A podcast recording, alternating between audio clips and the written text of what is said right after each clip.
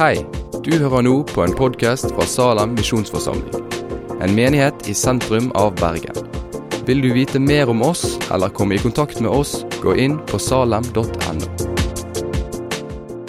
Som dere har fått med dere, så er temaet i dag tjeneste og nådegaver. Og Det er ikke så veldig ofte at jeg får høre før en tale at det blir spennende å høre om. Men det har jeg fått høre et par ganger denne gangen.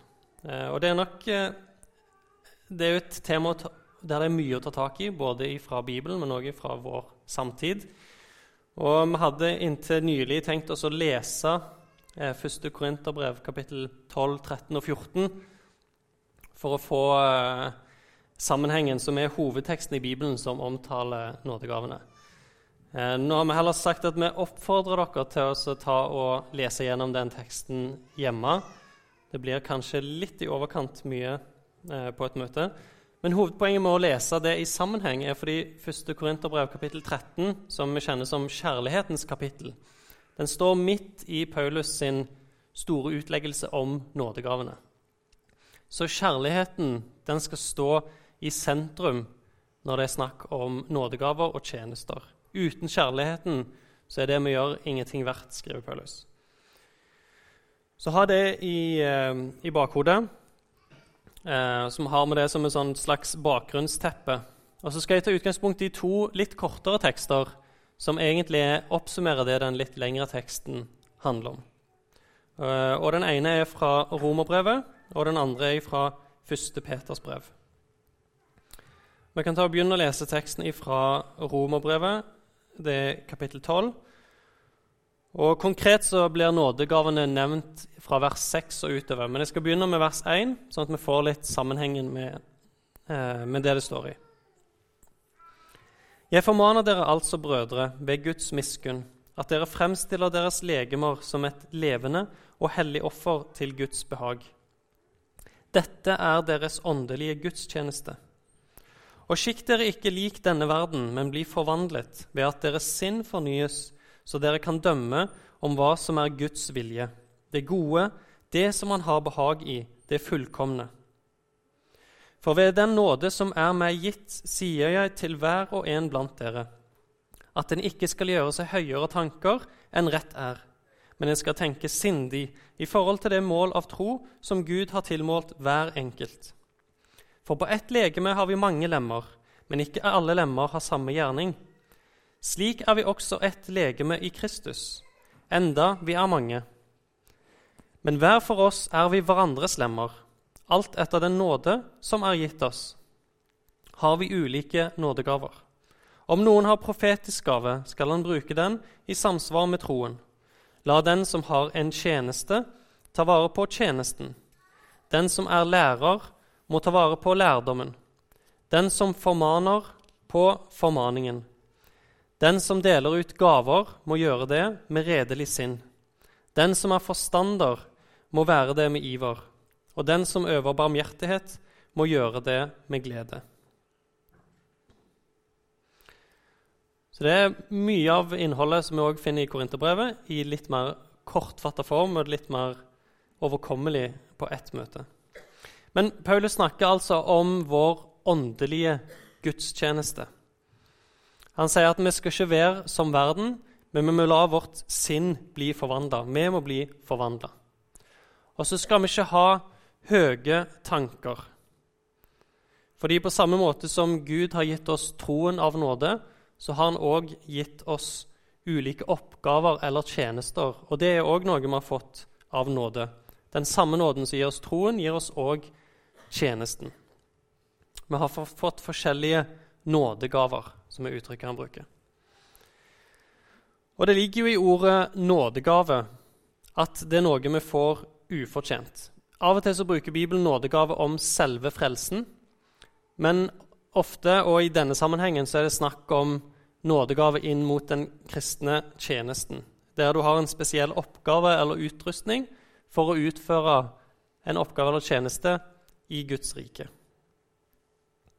Vi har alle fått den samme Hellige ånd, men vi har ikke fått den samme nådegave. Ånden er den samme, troen er den samme, men nådegavene og tjenestene er forskjellige. men de kommer ifra den samme ånd, basert på den samme nåde.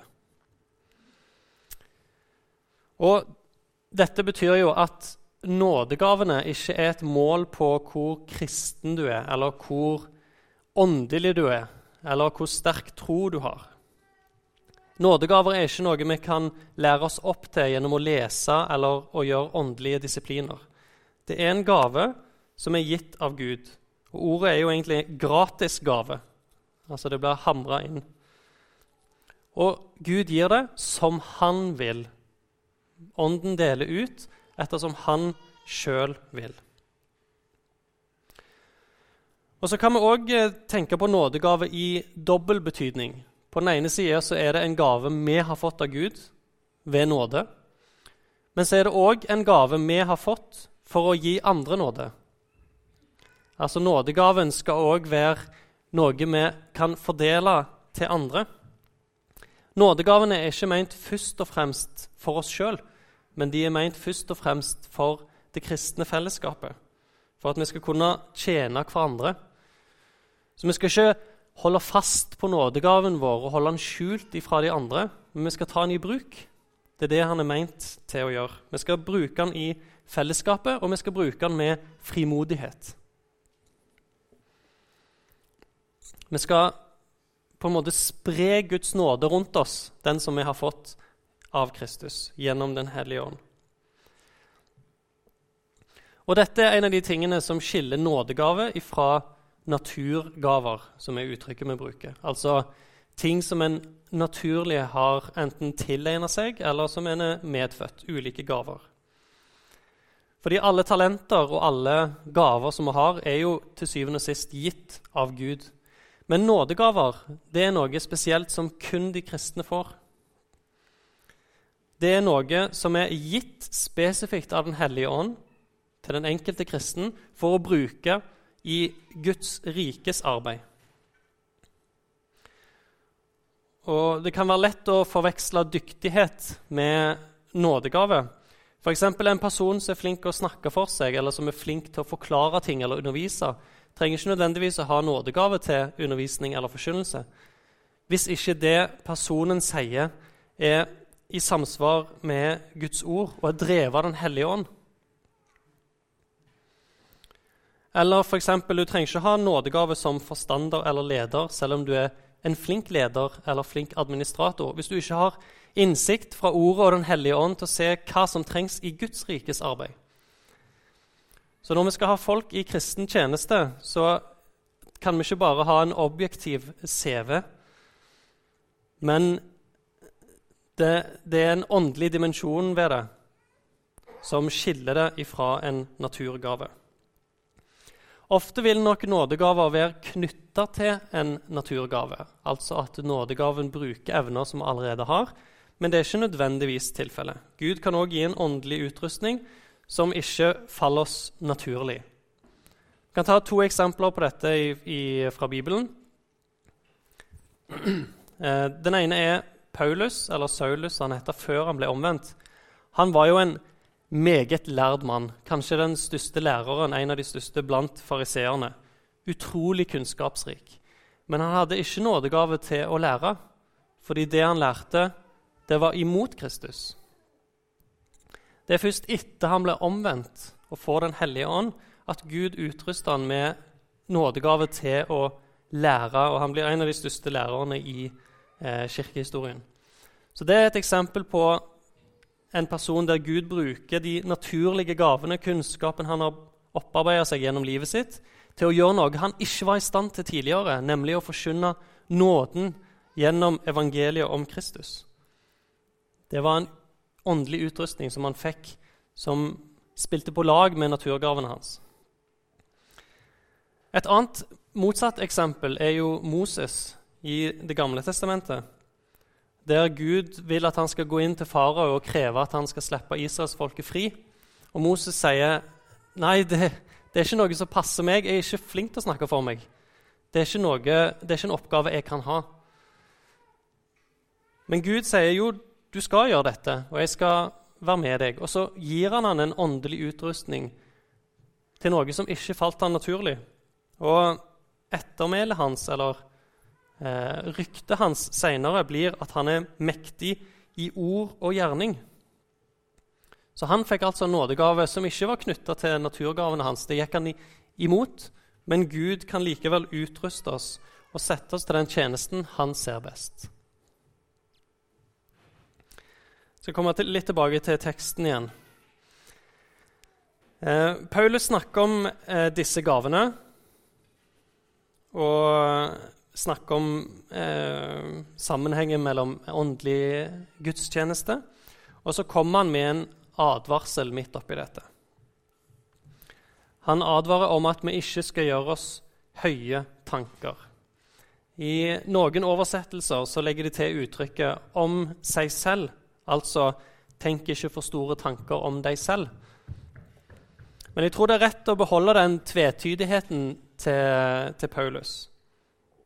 Fordi vi kan både ha for høye tanker om oss sjøl, men vi kan òg ha for høye tanker om andre. Hvis du f.eks. har en nådegave som er spesielt synlig, eller som folk oppfatter som ekstra overnaturlig, så kan det være lett å få høye tanker om seg sjøl. Men jeg tror det er et vel så stort problem, spesielt i norsk kultur, at hvis vi ser andre som har en sånn nådegave, at vi kan ha for høye tanker om de, og da tenke for lavt om oss sjøl og tenke jo, men jeg har jo ingenting jeg kan bidra med. Alle andre får jo til er jo så mye bedre i alt enn det jeg er. Hva kan jeg bidra med? Jo, jeg trenger jo ikke være med på noe. Jeg er jo unyttig. Så jeg tror begge fallgruvene her er noe Paulus vil at vi skal være klar over. Vi skal ikke gjøre oss for høye tanker, verken om oss sjøl eller om andre. Og For å illustrere det poenget så bruker Paulus bildet med legeme. Vi ett vi har alle ett legeme, men mange lemmer. Eller en kropp og mange kroppsdeler, som kanskje er ord vi bruker mer i dag. Og alle de lemmene eller kroppsdelene de har ulike oppgaver. Eh, og Som kristne så kan vi tenke på oss sjøl individuelt som en kroppsdel. Og sammen så danner vi Kristi legeme, Kristi kropp. Og Som kroppsdeler så har vi en en særegen rolle. Du kan bruke en arm til flere ting, men du har visse roller som, som du er ment til å brukes for. Og Problemet er at hvis en del av kroppen blir for opptatt med hva en annen del av kroppen gjør, så fungerer ikke kroppen som man er ment til. Hvis øynene for eksempel, er veldig opptatt med hva føttene driver på med, og ser ned, så kan du ende opp med å gå vill eller gå rett i en vegg. Øynene sin oppgave er å se framover. Og vite hvor vi skal gå, sånn at føttene kan gjøre den oppgaven de er satt til. Så poenget til Paulus er ikke fokuser så veldig mye på det de andre gjør hele tiden. Enten fordi du opphøyer deg sjøl, eller fordi du opphøyer andre for høyt. Men fokuser på den oppgaven som du er satt til. Den kroppsdelen du er. Gjør den jobben. Og Sånn er det jo selvfølgelig i menigheten òg. Hvis vi fokuserer for mye på andre sine oppgaver, så klarer vi ikke å utføre vår sjøl, vår egen oppgave, godt nok. Og da kan det gå ut over de andre. Vi skal ha fokus på vår egen oppgave og gjøre den så godt som mulig. Og På den måten så blir òg samspillet mellom kroppsdelene, kroppen totalt sett, fungerer da optimalt, best mulig. Og Så tar Paulus og konkretiserer dette bildet. Han gjør det konkret ved å begynne å nevne ulike nådegaver. Han begynner å ramse opp noen nådegaver. Hvis du har denne nådegaven, ja, så ta vare på den. Hvis du har den annen nådegave, ja, så gjør han på denne måten. Hvis du er lærer, ta vare på lærdommen. Hvis du er barmhjertig, så gjør det med glede. Han begynner å komme med konkrete eksempler på fokuset og eh, eh, hvordan du skal utføre din nådegave. Fokuser på din oppgave og gjør den så godt som mulig. Og Denne lista her, det er jo en av de plassene i Bibelen der vi finner en, en tilsvarende liste over nådegaver. Disse listene er ikke utfyllende, dvs. Si at de er ikke komplette. Det er ikke alle nådegavene som er nevnt i disse listene. Ingen av de listene er like. Noen nådegaver som nevnes én plass, nevnes ikke en annen plass. Noen nevnes kanskje flere plasser. Men vi vet òg at det fins nådegaver som Bibelen ikke nevner. Det er ikke sånn at alle nåd, mulige nådegaver er nevnt i Bibelen. Det er det ikke. Og selv om du hadde kombinert alle disse listene, så hadde du likevel ikke fått en sånn fullstendig oversikt. Og En av grunnene til at vi vet dette, det er den andre teksten som jeg sa vi skulle se på. og Det er i 1. Peters brev, kapittel 4, og vers 10-11. Ettersom enhver har fått en nådegave, så tjen hverandre med den som gode husholdere over Guds mangfoldige nåde. Om noen taler, han taler som Guds ord. Om noen tjener, han tjener ved den kraft som Gud gir. For at Gud må bli æret i alle ting ved Jesus Kristus, ham som æren og makten tilhører i all evighet. Amen. Så her gjør Peter noe annet enn å nevne konkrete nådegaver, sånn som Paulus gjorde. Men han tar og kategoriserer alle nådegavene inn i to hovedkategorier. Å tale eller å tjene. Eller vi kan bruke ord og gjerning. Altså hvis du har en nådegave som innebærer å bruke ord, ja, så tal som Guds ord. Hvis du har en nådegave der du gjør en gjerning, ja, så gjør den gjerningen ved Guds kraft. Det er det Peter forteller oss. Og Derfor tror jeg ikke at det er viktig å kunne sette et navn på nådegaven sin, eller kunne finne en merkelapp på nådegaven. Det er ikke det som er det sentrale. Det viktigste er at du faktisk finner din tjeneste i Guds rike, og at du utfører den etter Guds ord og ved Guds kraft. For Vi leste i begynnelsen av vers 10 ettersom enhver har fått en nådegave. Så vi tror at alle kristne har minst én nådegave, minst en tjeneste som de kan bidra med inn i Guds rike. Og For noen så er kanskje spørsmålet da Hvis jeg ikke har ei liste over mulige alternativer og kan plukke en nådegave fra den, hvordan kan jeg da vite hva nådegave jeg har? For det er ikke alltid det er så veldig lett. Og I den teksten i Peters brev så får vi vite litt mer konkret hva hensikten med nådegavene er. Og Det første er at vi skal bruke nådegavene til å tjene hverandre. Jeg har vært litt inne på det allerede med den doble, doble betydningen av ordet nådegave. Men her sier Peter det rett ut. Vi skal tjene hverandre med nådegavene våre. Først og fremst så er det det som er hensikten med nådegavene. Å tjene hverandre. Vi kan bli oppbygd sjøl av våre egne nådegaver. Ingen tvil om det. Men først og fremst så er hensikten at vi skal tjene hverandre. Det skal brukes i fellesskap.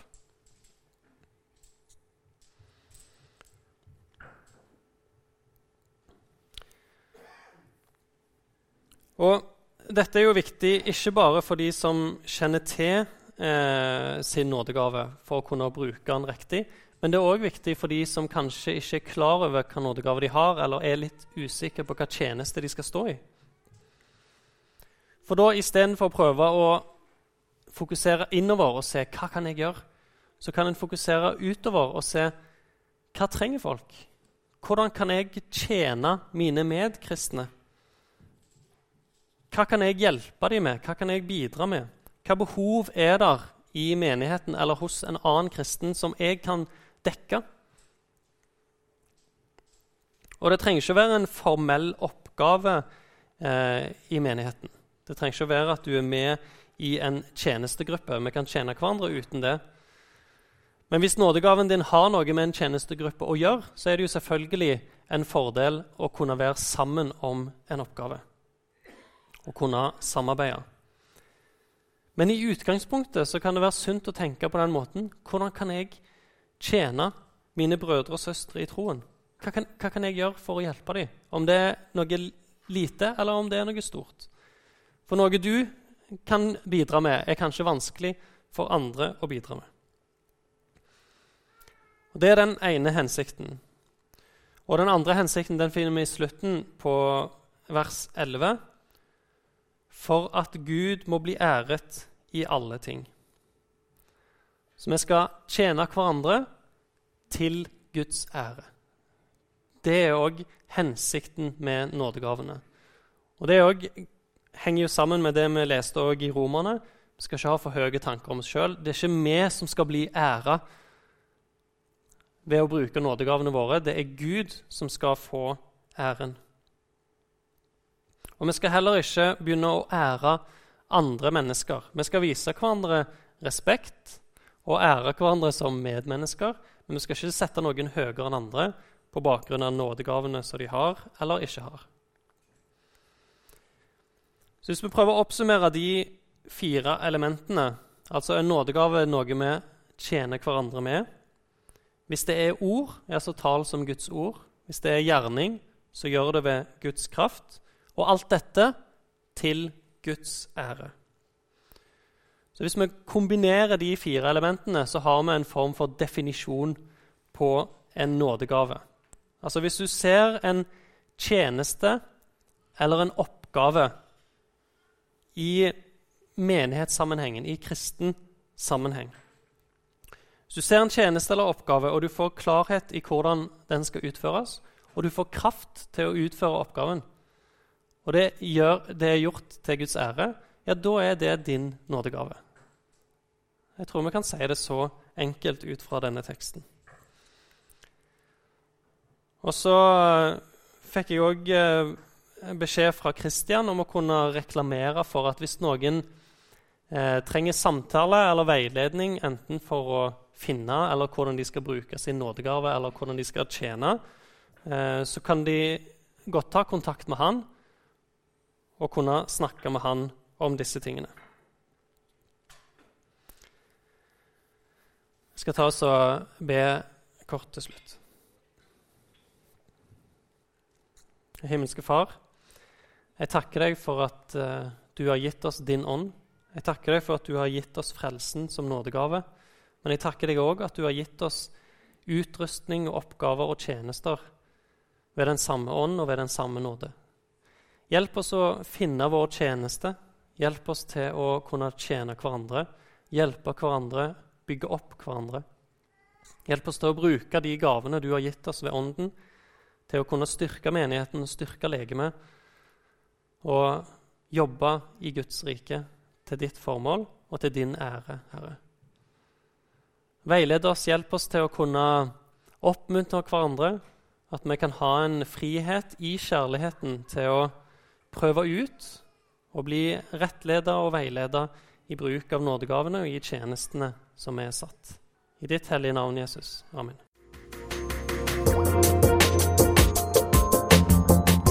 Takk for at du har hørt på podkasten fra Salem, Bergen. I Salem vil vi vokse i et stadig dypere fellesskap med Gud og med hverandre.